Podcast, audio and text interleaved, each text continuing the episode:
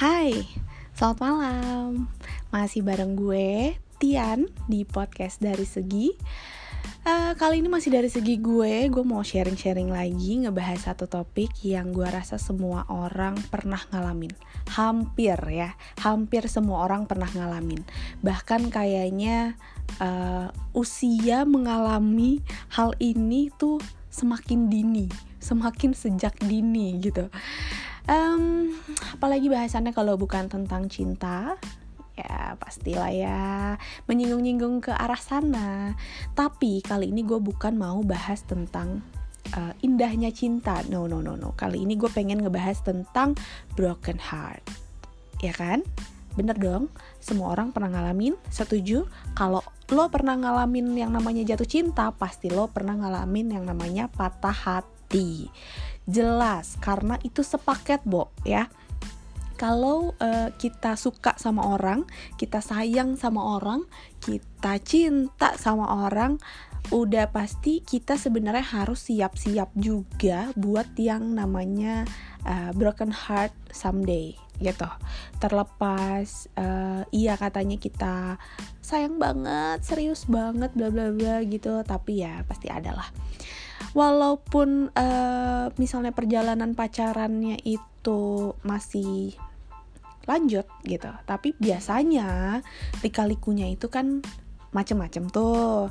Di tengah-tengah mungkin pernah ngalamin kejenuhan atau apa dan sebagainya jadi selingkuh misalnya atau ya apalah gitu pernah putus dulu misalnya and then balik lagi itu pasti menyebabkan broken heart dong ya kan? Patah hati dan tadi kenapa gue bilang kalau usia uh, apa namanya patah hati itu semakin sejak dini karena kayaknya gue perhatiin ya konten-konten di Instagram nih terutama yang paling mudah diakses saat ini tuh banyak banget eh, anak-anak uh, muda, anak-anak ABG bahkan mungkin belum ABG yang masih pada sekolah masih kecil-kecil tuh udah suka-sukaan gitu. Udah cinta-cintaan udah pengen pacaran gitu. Sebutannya kayaknya sekarang tuh lagi uh, common adalah bucin ya. Jadi bucin ya kan? Budak cinta bener nggak tuh? Ya kan? Ya ampun tapi jadi jadi mengingat lah jadi teringat zaman zaman dulu sekolah kalau misalnya lagi suka sukaan gitu kan. Iya kalau misalnya diterima yang kita suka juga suka sama kita juga atau mungkin ada yang pernah ngerasain ditolak? Nah itu juga bikin broken heart pasti ya. Udah nembak ter di, apa namanya? E, nembak di tempat rame-rame depan temen-temen taunya ditolak ya sudah. Selain patah hati malu juga iya gitu kan. Pernah gak sih ngalamin kayak gitu? Atau mungkin um, belum nyatain malah. Belum sempet ngungkapin tapi ternyata gebetan kita jadi nama orang. Telat nih misalnya ya itu bakal bikin juga kita jadi patah hati dong ya kan? Kalau misalnya mungkin udah umur-umur um, mateng lah ya di atas uh, 25 sekarang soalnya udah banyak yang nikah muda ya jadi mungkin di atas 25 uh, 26 ke sana gitu patah hatinya lebih naik level ditinggal nikah bo. Iya nancep banget tuh. Ada yang pernah ngalamin gak sih guys? Ditinggal nikah. Aduh mudah-mudahan jangan sampai ya. Karena nggak semua orang pasti akan bisa menghandle si perasaan broken heartnya itu. Dan periodenya tuh bisa beda-beda ngalamin yang namanya broken heart. Sebelum gue bahas gimana sih caranya ngehandle uh, diri kita pada saat kita lagi ngalamin broken heart. Um, biasanya kalau orang lagi broken heart itu ngapain coba ada yang ngegalau nih. Ngegalaunya itu macem-macem. Misalnya nangis-nangis di kamar dengerin lagu-lagu sedih atau lagu-lagu uh, kenangan bersama mantan atau lagu-lagu kenangan bersama gebetan atau lagu-lagu yang gak pernah disampaikan sama yang digebet karena keburu jadi nama orang misalnya bisa juga gitu. Dan pastinya kalau kayak gitu mood kita labil. Kalau misalkan kita lagi ngalamin broken heart itu kita moodnya tuh nggak jelas banget. Kalau mood udah keganggu efeknya banyak. Kita nggak mau ngapa-ngapain.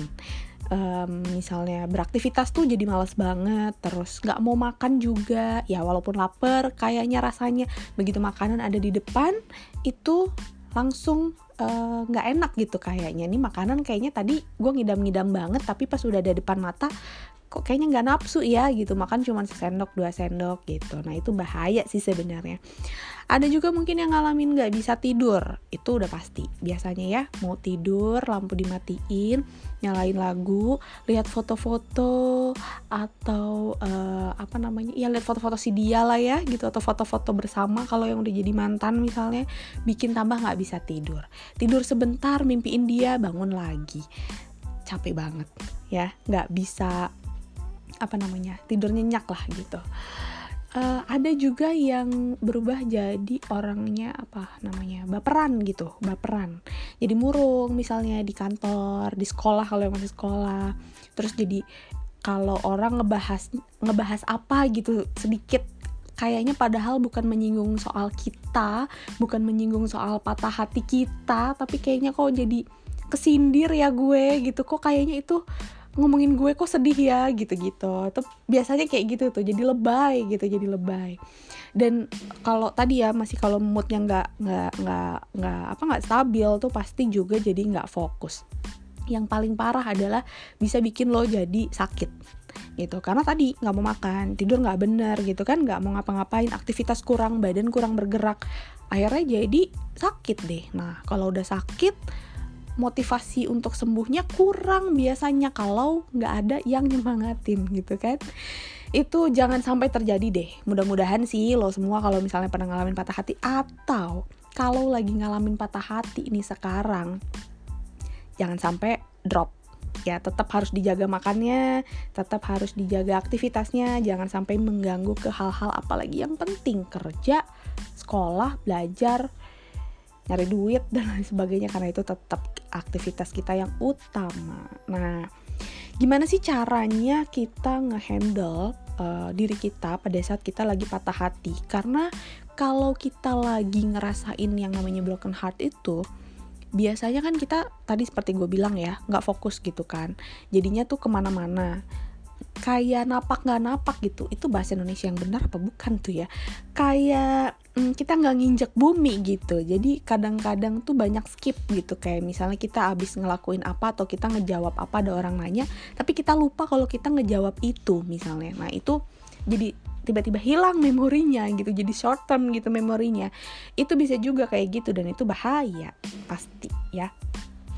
Nah gimana sih cara ngehandle nya ini uh, again saran dari uh, eh, gue pribadi ya yang pertama adalah banyakin kontak sama temen-temen.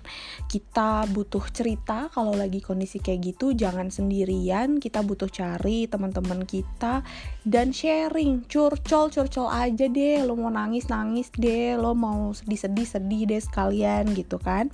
Jelasin bahwa kita lagi dalam kondisi broken heart gitu.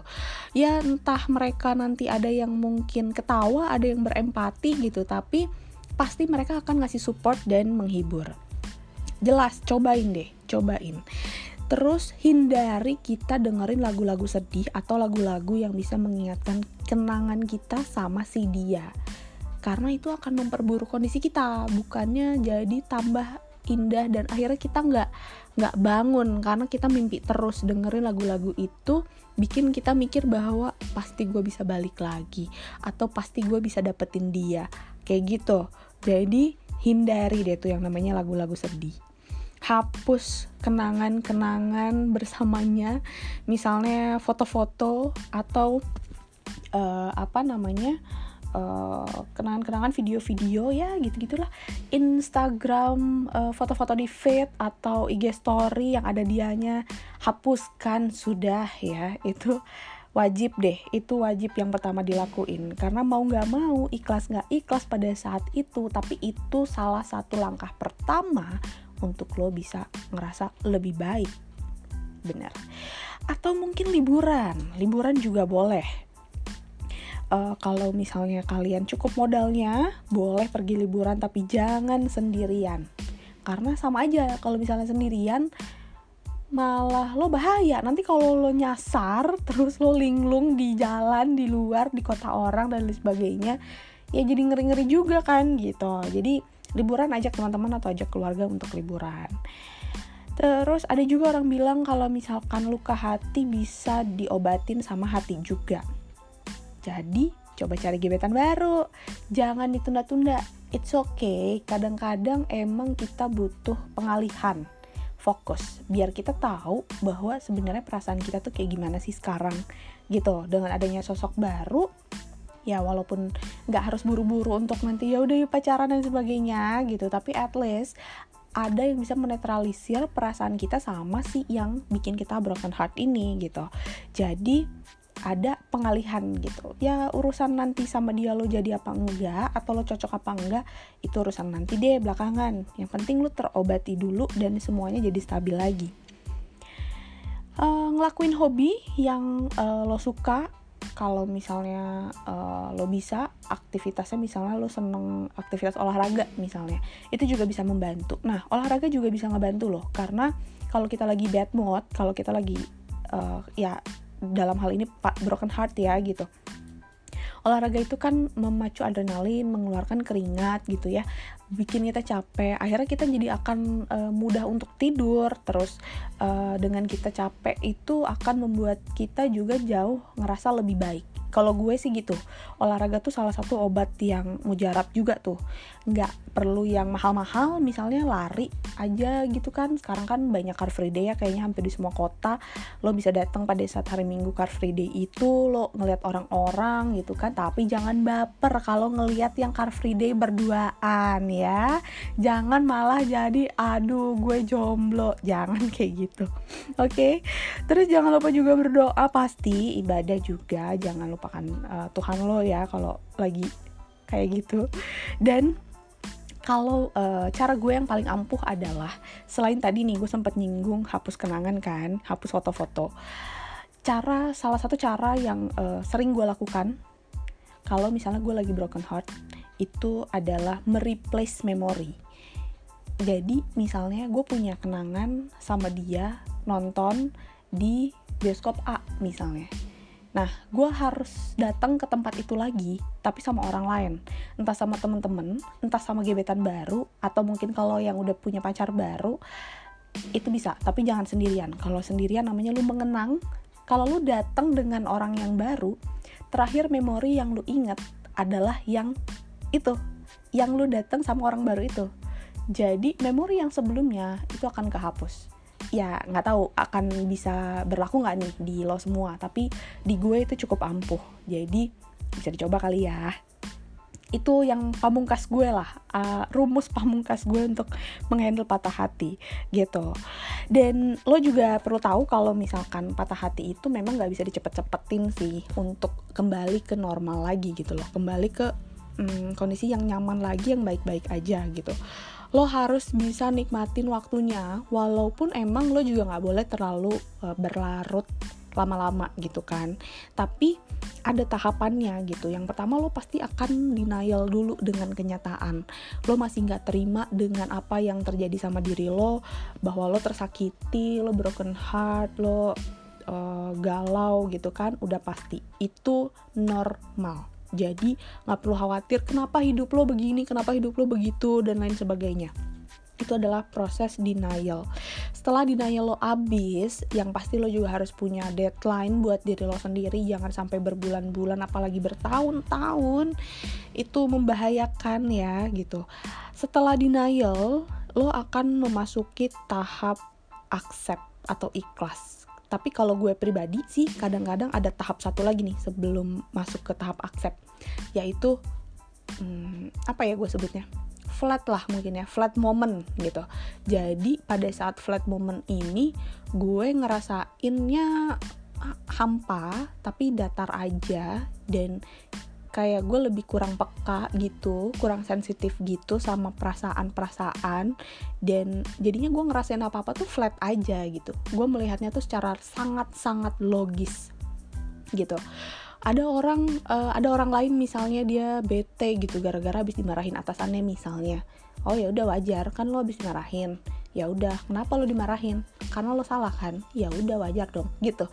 Jadi kadang-kadang terkesannya jadi kayak orang apa sih namanya antipati ya skeptis ya semacam itulah ya gitu. Itu gue namakan flat moment. Itu sih kalau tahapan gue. Tapi ada juga orang yang dari tahap denial bisa langsung masuk ke tahap accept di tahap accept ini lo udah mulai bisa nerima kenyataan bahwa lo tuh sekarang sendiri gitu. Bahwa lo tuh broken heart and then ya sudah itu sudah berlalu gitu. Dan lo uh, harus tetap jalanin hidup lo seperti biasa gitu. Lo sudah accept lo sudah ikhlas lo sudah menerima dan biasanya ada hikmah atau hal-hal positif yang udah bisa lo uh, dapetin gitu. Yang udah terbesit di pikiran lo gitu. Habis itu baru deh lo bisa move on gitu. Nah move on ini ya macam-macam ada orang yang juga butuh waktu lama lagi untuk bisa uh, jatuh cinta lagi atau um, apa ya uh, bikin relationship sama orang uh, nyari gebetan baru dan sebagainya. Ada juga yang bisa cuman dalam kurun waktu berapa bulan atau mungkin kurang dari sebulan ada loh ada beberapa tipe orang yang kayak gitu. Dan it's okay kadang-kadang ada rasa nggak enak atau aduh gimana ya? Aduh gimana ya? gitu. Tapi it's okay kalau udah kondisi kayak gini lo sebenarnya udah cuman harus mikirin diri lo gitu loh. Belum tentu yang di sana mikirin lo juga loh. Jadi udahlah it's okay. Life must go on dan lo juga harus tetap happy gitu. Ini hidup lo lo yang harus menentukan lo mau hidup terus-terusan dengan patah hati lo, broken heartnya lo, terus ter berlarut-larut dengan kegalauan lo, atau lo mau jadi lebih uh, bahagia lagi ke depannya. Tenang aja, Tuhan itu adil. Pasti kalian tetap kebagian jodoh. Dan Tuhan juga adil karena semua orang pasti akan dapat kebahagiaan masing-masing di saat yang tepat. Jadi don't be sad, jangan galau lama-lama. Tapi kalau masih proses, it's okay. Jalanin aja. Mungkin tadi tips dari gue bisa dipakai. Yang uh, paling jadi pamungkas gue tadi udah gue bilang, yaitu replace ya, replace the moment. Siapa tahu bisa kepake sama kalian. Oke? Okay?